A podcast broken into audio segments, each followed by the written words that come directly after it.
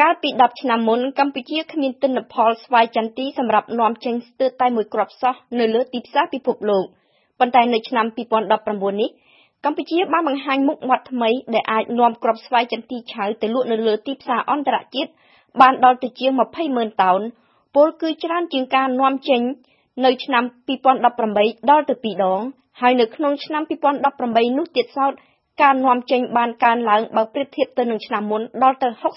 65%នេះបើតាមតួលេខផ្ដល់ដោយក្រសួងកសិកម្ម រុក្ខាប្រមាញ់ និងនេសាទកម្ពុជាហេតុអ្វីបានជាការនាំចេញគ្រាប់ស្វាយចន្ទីកម្ពុជាស្រាប់តែស្ទុះឡើងលឿនយ៉ាងដូចនេះមូលហេតុដើមគឺចេញមកពីប្រទេសវៀតណាមវៀតណាមជាប្រទេសផលិត និងនាំចូលគ្រាប់ស្វាយចន្ទីលំដាប់ទី1ពិភពលោកក៏ប៉ុន្តែវៀតណាមមិនអាចពង្រីកដី ធ្វើចំការដាំស្វាយចន្ទីបន្ថែមទៀតទេនៅក្នុងប្រទេសរបស់ខ្លួន ចំណែកអាហ្វ្រិកជាពិសេសកូតឌីវ៉ាដែលធ្លាប់ជាប្រទេសនាំចេញគ្រាប់ស្វាយចន្ទីឆៅមកវៀតណាមដ៏ខ្លាំងក្លានោះក៏ចាប់ផ្ដើមអភិវឌ្ឍឧស្សាហកម្មកែច្នៃគ្រាប់ស្វាយចន្ទីដោយផ្ទាល់ខ្លួនដែរម្យ៉ាងវិញទៀតវៀតណាមមិនចង់រំពឹងទៅលើការនាំចូលគ្រាប់ស្វាយចន្ទីឆៅពីអាហ្វ្រិកទេដូច្នេះដើម្បីកាត់បន្ថយភាពរំពឹងរបស់ខ្លួនលើទ្វីបអាហ្វ្រិក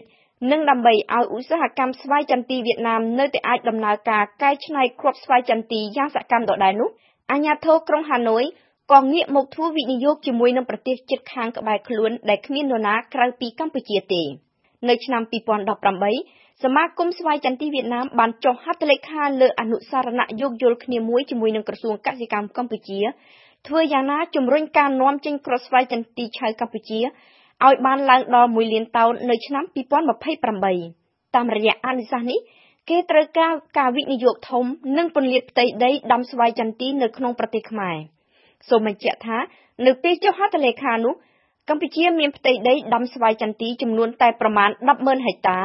ដែលផ្ដល់ទិន្នផលជាង100000តោនបន្តិចដើម្បីសម្រេចមហិច្ឆតាដូចបានចែងនៅក្នុងអនុសារណៈកម្ពុជាត្រូវពង្រឹងផ្ទៃដីដាំដុះ1ជា5 ពលគឺត្រូវឲ្យឡើងដល់ 50ម៉ឺនហិកតានៅឆ្នាំ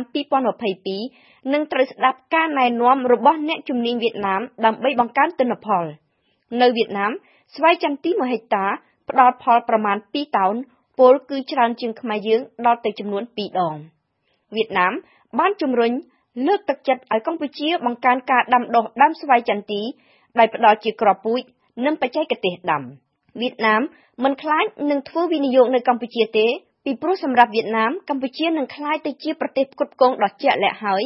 នៅគៀកខ្លួនទៀតដូច្នេះចំណាយផ្នែកមធ្យោបាយដឹកជញ្ជូនក៏ខ្លីលុយក៏អស់តិចមិនបាច់ស្តុកច្រើនដូច្នេះគ្រាប់ស្វាយចន្ទីនឹងរក្សាគុណភាពបានខ្ពស់ប្រសើរជាងគ្រាប់ស្វាយចន្ទីឆៅនាំចូលមកពីអាហ្វ្រិកនេះបើតាមការវិភាគរបស់ភ្នាក់ងារផ្ដល់ប្រឹក្សាពាណិជ្ជកម្មកសិឧស្សាហកម្មអាហ្វ្រិក Encalo ប្រាប់មកវិសុបារាំងអន្តរជាតិដោយអះអាងទៀតថា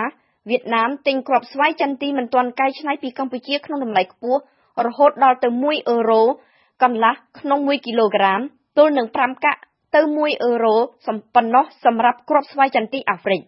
ហើយដូច្នេះហើយបានជាកសិករខ្មែរប្រឹងដាំដុះស្វាយចន្ទីខ្លាំងនោះសូមបញ្ជាក់ថាក្រៅពីកម្ពុជាវៀតណាមក៏កំពុងបង្កើនពង្រីកសកម្មភាពទិញគ្រាប់ស្វាយចន្ទីដាំដុះនៅឡាវនិងភូមាទៀតមានអ្នកប្រកួតប្រជែងថ្មី តើអាហ្វ្រិកដែលមានទម្លាប់នាំចេញគ្រាប់ស្វាយចន្ទីទៅវៀតណាមគួរតែព្រួយបារម្ភទេទោះបីជាការនាំចេញគ្រាប់ស្វាយចន្ទីកម្ពុជាបានស្ទុះឡើងខ្លាំងយ៉ាងណាក៏ដោយក៏ទីផ្សារមួយនេះទំនងជាគ្មានថ្ងៃចាល់ទេ45%នៃគ្រាប់ស្វាយចន្ទីកែច្នៃរួចនៅអាស៊ីឬក៏នៅវៀតណាមនិងឥណ្ឌាជាជាក់ស្ដែងមានប្រភពមកពីអាហ្វ្រិក